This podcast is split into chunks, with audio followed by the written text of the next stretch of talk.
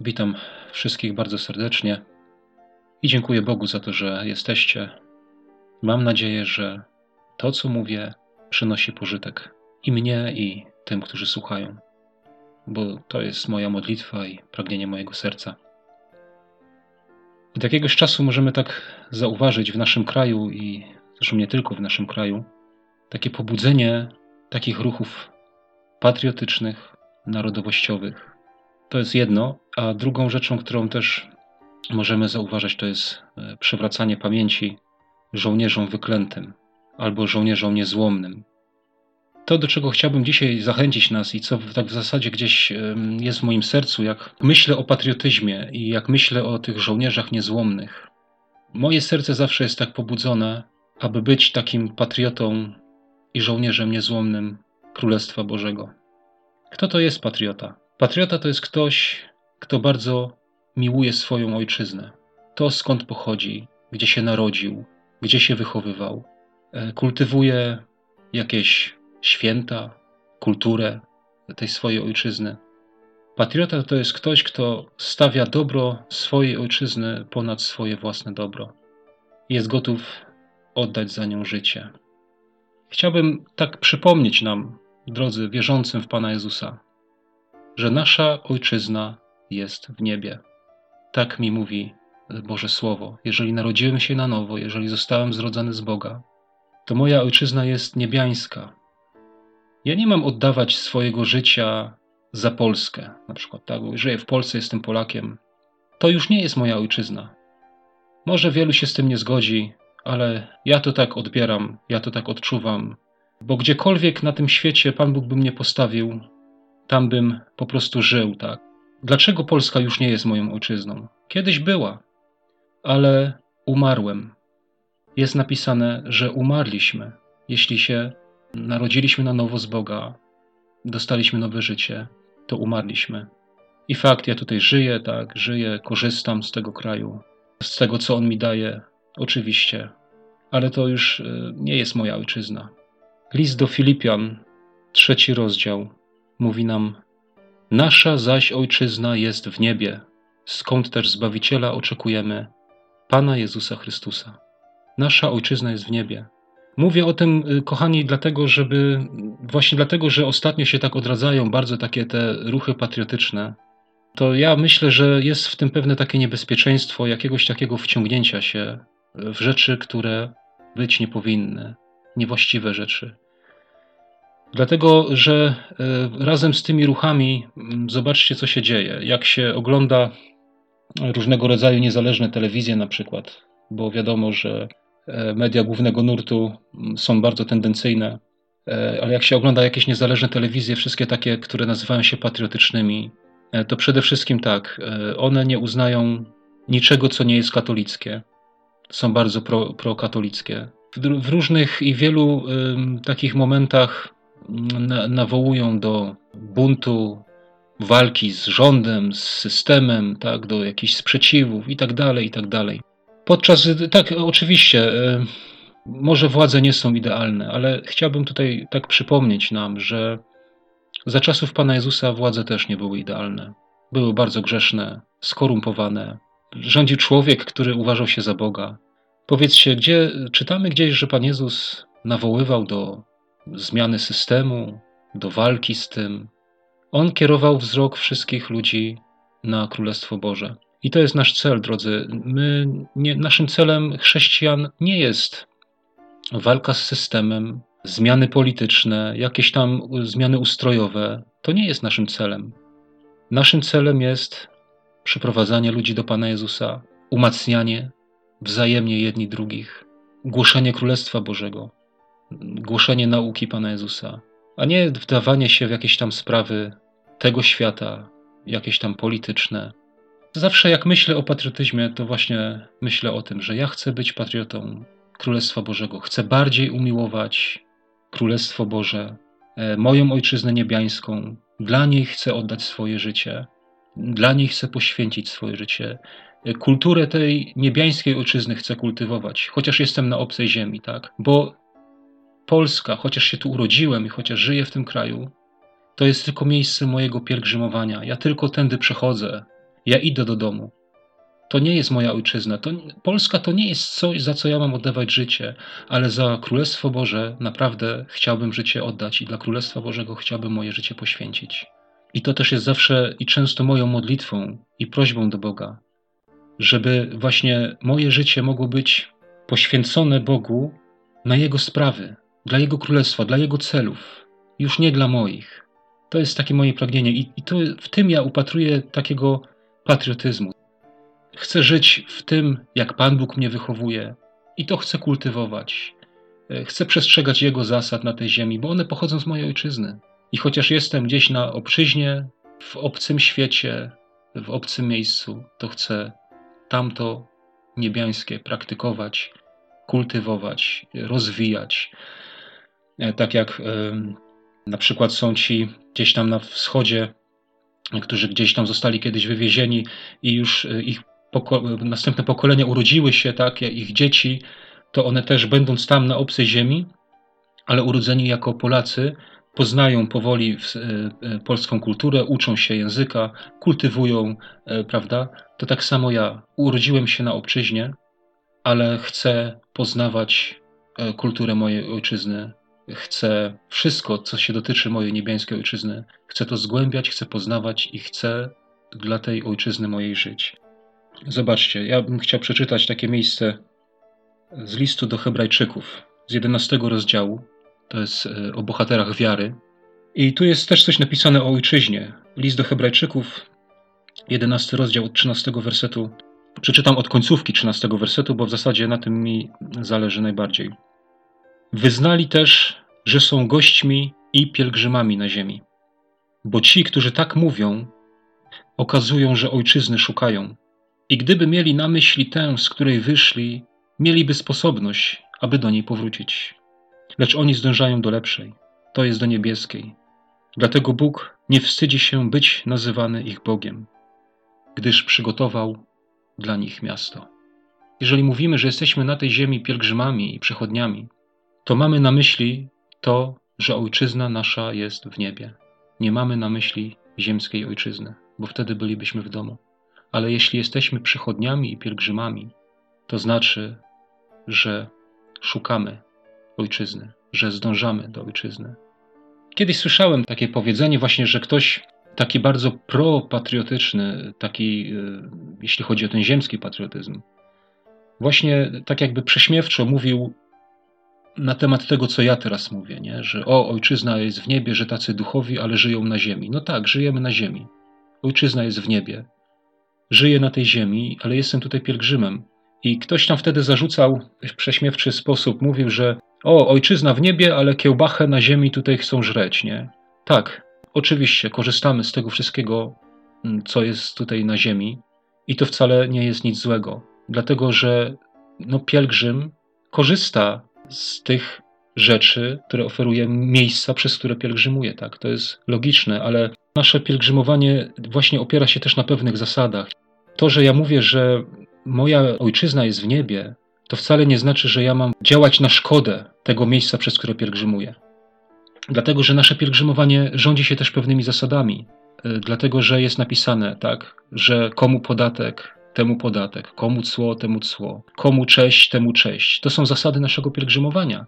I chociaż ja tak mówię, że to nie jest moja ojczyzna, to ja według tych zasad chcę żyć, tak? Nie chcę działać na szkodę tego kraju, bo też Pan Bóg mówi w księdze Jeremiasza: y, módlcie się o to miejsce, do którego zostaliście zesłani, módlcie się o pomyślność dla tego miejsca, żebyście mogli e, spokojnie i dobrze żyć. Tak samo e, mamy pouczenia dla nas w Nowym Testamencie, tak, żebyśmy się modlili o władców, o królów, abyśmy mogli spokojny żywot prowadzić na tej ziemi.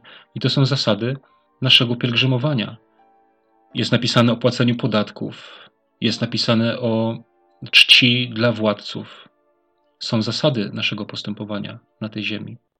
Dlatego uważam, że Mówić, że jestem patriotą Królestwa Bożego, wcale nie znaczy, że e, muszę być jakimś wrogiem czy działać na szkodę e, tego kraju, przez który pielgrzymuję, w którym Pan Bóg mnie umieścił. Księga czwarta Mojżeszowa mówi też na temat tego, jak naród izraelski przechodził przez pustynię, pielgrzymowali przez pustynię, przez różne miejsca. I kochani, 20 rozdział czwartej Księgi Mojżeszowej, ja przeczytam kawałek taki, od 17 wiersza.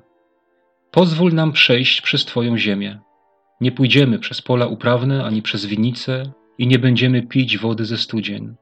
Pójdziemy drogą królewską, nie zboczywszy ni w prawo, ni w lewo, aż przejdziemy przez Twoją ziemię.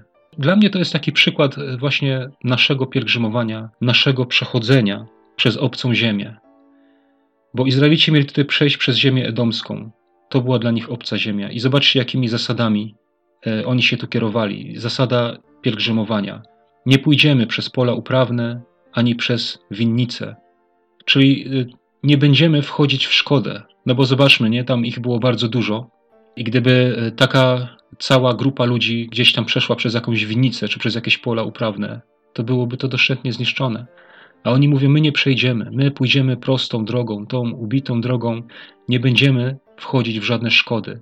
Powiedzcie, czy to nie jest e, dla nas wskazówka, jak, jak, mamy pielgrzymować przez e, jakiekolwiek miejsce, w którym jesteś, nie? czy to jest e, gdzieś za granicą Polski. Każdy taki kraj ma swoją tą ubitą drogę, przez którą należy iść, czyli jakieś przepisy prawne, tak? stosowanie się do pewnych zasad, nie czynienie szkody, tak? nie wchodzić w szkodę. 19 werset te, tego samego rozdziału mówi: Pójdziemy utartą drogą, a jeżeli już my i nasze stada będziemy pić Twoją wodę, to zapłacimy za nią. Rzecz to błaha, chodzi tylko o to, abym pieszo przeszedł. Czyli jeśli trzeba za coś zapłacić, jeśli z czegoś korzystam na tej ziemi, to za to płacę. Pan Bóg mi daje, mogę za to zapłacić, tak? Jeśli z czegoś korzystam, mogę zapłacić. To dla mnie, ja po prostu dzielę się z Wami tym, co jest dla mnie taką wskazówką, nie? w jaki sposób ja mam postępować w tej ziemi mojego pielgrzymowania. Innym miejscem, które dla mnie jest takim przykładem, to jest z pierwszej księgi Mojżeszowej, jak Abrahamowi umarła żona. 23 rozdział pierwszej księgi Mojżeszowej, od trzeciego wersetu. Potem Abraham wstał od swojej zmarłej i rzekł do Hetytów: Jestem u was osiadłym przybyszem. Dajcie mi u siebie na własność grób, aby mógł wynieść z domu i pochować moją zmarłą. Hetyci zaś odpowiedzieli Abrahamowi tak: Słuchaj nas, panie, ty jesteś pośród nas księciem Bożym. Proszę, jaki tu jest y, przykład, jak Abraham był pielgrzymem w tej ziemi. Sam powiedział przed chwileczką, tutaj czytałem: To nie jest moja ojczyzna, ja tu jestem osiadłym przybyszem. I zobaczcie, on w tej ziemi żył z Bogiem tak, że ci mieszkańcy tam powiedzieli: Ty jesteś pośród nas, księciem Bożym. Czy to nie jest przykład dla nas, jak mamy żyć w, w kraju naszego pielgrzymowania, w miejscu, gdzie nas Pan Bóg postawił, aby inni widzieli w nas tak, to, że my należymy do Boga, że my z Nim żyjemy. I dalej mówią tutaj: Pochowaj więc swoją zmarłą w najlepszym z grobów naszych. Żaden z nas nie odmówi ci grobu swego, abyś mógł pochować swoją zmarłą. Wtedy wstał Abraham i pokłonił się ludowi tego kraju Hetytom. Zobaczcie, drugi taki przykład. Wstał, pokłonił się ludowi tego kraju, czyli miał do nich szacunek. I mówił z nimi tak: Jeżeli zgadzacie się, abym wyniósł z domu i pochował zmarłą moją, posłuchajcie mnie i wstawcie się za mną u Ufrona, syna Sochara, aby mi odstąpił jaskinię Machpela, którą ma na końcu pola swego. Niechaj odstąpi mi ją za pełną cenę, abym miał własny grób wśród was. Niechaj odstąpi mi ją, to brzmi jakby Abraham chciał coś za darmo, prawda? Bo tak to brzmi w naszych uszach, nie? Odstąpić coś komuś to znaczy dać coś komuś, ale Abrahamowi tutaj chodziło o to, żeby on się pozbył tego na rzecz Abrahama za pełną cenę. Jeszcze raz powiem, za pełną cenę. Kochani, jeżeli korzystamy z dóbr tego świata, to też powinniśmy za nie zapłacić. To jest taki mój wzór dla mnie, Podkreślam to jeszcze raz. To są rzeczy, które ja widzę, które mnie dotykają. No i chciałbym według takiego czegoś żyć. Za pełną cenę, tak? Jeśli trzeba za coś zapłacić, to się płaci. Nie kombinuję. My żyjemy w świecie tak pełnym kombinatorstwa. Właśnie my powinniśmy być inni. E, zobaczcie, dalej mówi ten, ten człowiek, ten Efron mówi do Abrahama: Daruję ci pole i jaskinię, które jest na nią, weź je sobie. A Abraham powiedział: Nie, daję ci pieniądze. Kochani, przykład jest taki z Nowego Testamentu, też przychodzi mi teraz na myśl, list do Filemona chyba, i tam jest powiedziane, że niczego nie przyjmowali od pogan. Także ci, którzy na przykład zostali wyprawiani na służbę byli tak zaopatrzeni przez swoich braci i siostry w wierze, że nie musieli być zależni od Boga, nie musieli nic od nich przyjmować. I jeszcze raz powtórzę, to, że ja tak mówię, że moja ojczyzna jest w niebie, wcale nie znaczy, że na tej ziemi muszę żyć jak pasożyt, jak jakiś wykorzystywacz, kombinator. Nie, właśnie Biblia pokazuje nam zasady, w jaki sposób mamy pielgrzymować na tej ziemi. A druga rzecz, o której wcześniej wspomniałem, to właśnie ten patriotyzm jest tak nierozerwalnie związany z tymi żołnierzami niezłomnymi. Jak słucham y, o tych ludziach, tych wszystkich, którzy przez ten system komunistyczny byli prześladowani, w jaki sposób się znęcano nad tymi ludźmi, wtedy w moim sercu odzywa się naprawdę coś takiego, że ja wołam do Boga i mówię: Panie, chciałbym być właśnie tak, jak oni dla Twojego królestwa. Kiedyś czytałem o jakimś takim jednym człowieku, nawet nie wiem, jaki miał ten pseudonim. Opisywał go współwięzień. To mówi, że był przesłuchiwany kilkanaście godzin dziennie. Czasami go przyprowadzali do celi i za godzinę zabierali z powrotem. Jego ciało miało brązowy kolor z powodu sińców. Miał powyrywane włosy, powybijane zęby, powyrywane paznokcie, połamane ręce. To aż ym, skóra cierpnie i ten człowiek nie zdradził, nie zaparł się. I jak czytam właśnie coś takiego, to mówię, Boże, chcę być takim człowiekiem dla Twojego królestwa, żebym cokolwiek na tej ziemi mnie spotka, żebym nie zdradził, żebym zawsze dochował Tobie wierności. Królestwo Boże też ma swoich żołnierzy niezłomnych. Tych, którzy za żadną cenę nie zaparli się, nie zrezygnowali. Kochani, pierwsze co to chcę nam pokazać, że my jesteśmy wszyscy powołani do takiego żołnierstwa. Drugi list do Tymoteusza, drugi rozdział od trzeciego wersetu. Apostoł Paweł do, do Tymoteusza mówi tak: Cierp wespół ze mną jako dobry żołnierz Chrystusa Jezusa. Żaden żołnierz nie daje się wplątać w sprawy doczesnego życia, aby się podobać temu, który go do wojska powołał. I tu chciałbym się właśnie odnieść do tego, co mówiłem wcześniej. Żebyśmy się nie dawali wplątać e, w, jakiego, w jakieś e, różnego rodzaju takie właśnie sprawy, które nie przynoszą pożytku dla Królestwa Bożego. Zajmie nasz czas, pochłonie naszą energię, nasze siły, a one mogłyby być spożytkowane w Bożym celu. Tutaj czytamy, że dobry żołnierz Chrystusa Jezusa. Czyim jesteś żołnierzem? Jesteś żołnierzem Polski, czy jesteś żołnierzem Chrystusa Jezusa? Bo tutaj pisze dalej, że żaden żołnierz nie daje się wplątać w sprawy doczesnego życia, aby się podobać temu, który go do wojska powołał. Więc jeżeli Pan Jezus powołał mnie do swojego wojska i ja chcę się Jemu podobać, to muszę patrzeć na Niego, muszę wypełniać Jego rozkazy, muszę służyć Jemu, za tym muszę iść. Jestem żołnierzem, a ja chcę być nie tylko żołnierzem właśnie, ale chcę być tym żołnierzem niezłomnym. W tym samym liście drugim do Tymoteusza, w czwartym rozdziale i od szóstego wersetu e, apostoł Paweł pisze tak, tu chcę powiedzieć i teraz pokazać, e, że tu też jest niezłomny żołnierz właśnie apostoł Paweł, e, który nam tutaj pokazuje przykład. Albowiem już niebawem będę złożony w ofierze, a czas rozstania mego z życiem nadszedł. Dobry bój bojowałem, biegu dokonałem, wiarę zachowałem. Żołnierz niezłomny Królestwa Bożego pisze ten list z więzienia. Wie, że już niedługo zostanie złożony w ofierze, że czas jego rozstania z życiem nadszedł. I mówi: Dobry bój bojowałem, biegu dokonałem, wiarę zachowałem. I to chciałbym tylko jeszcze może dwa słowa powiedzieć. Wiarę zachowałem, że co to znaczy właśnie w tym niezłomnym żołnierstwie, że zachował wiarę.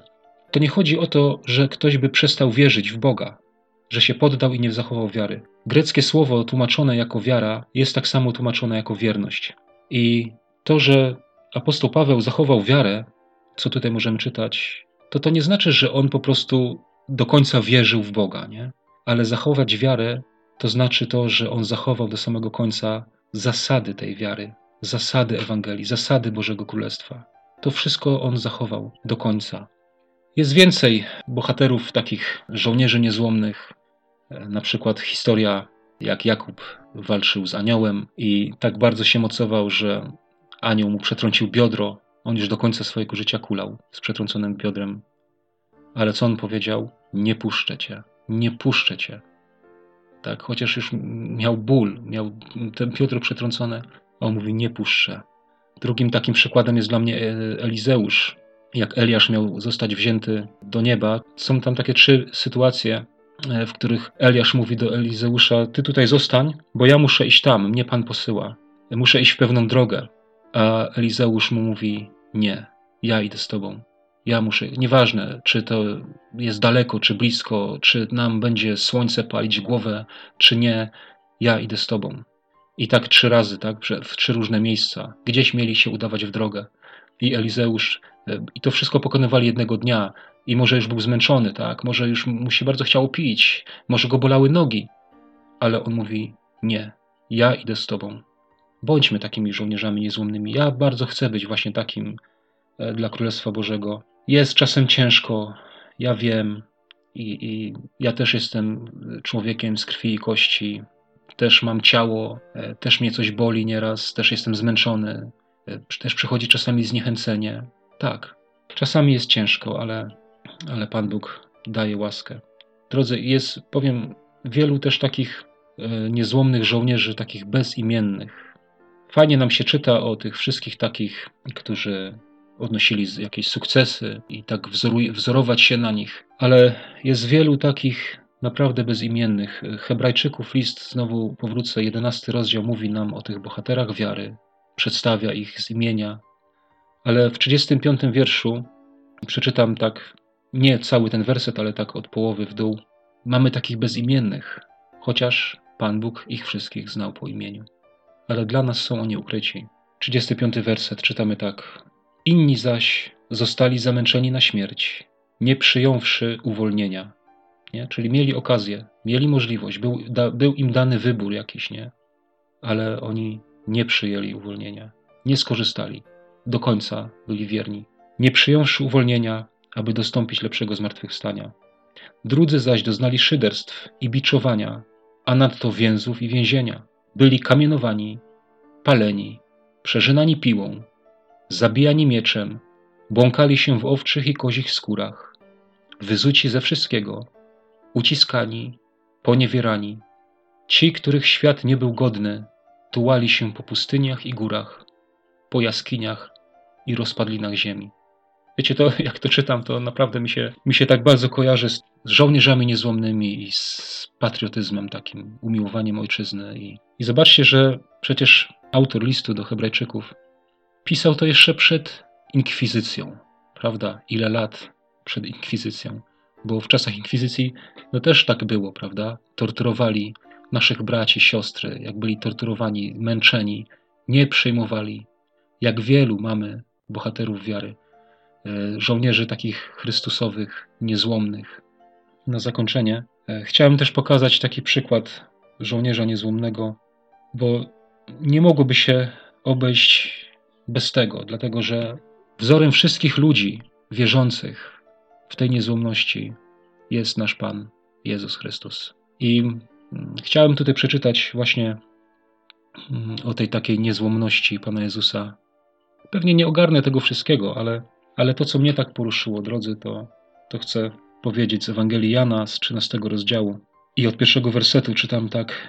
Przed świętem Paschy Jezus wiedząc, iż nadeszła godzina Jego odejścia z tego świata do Ojca, umiłowawszy swoich, którzy byli na świecie, umiłował ich aż do końca.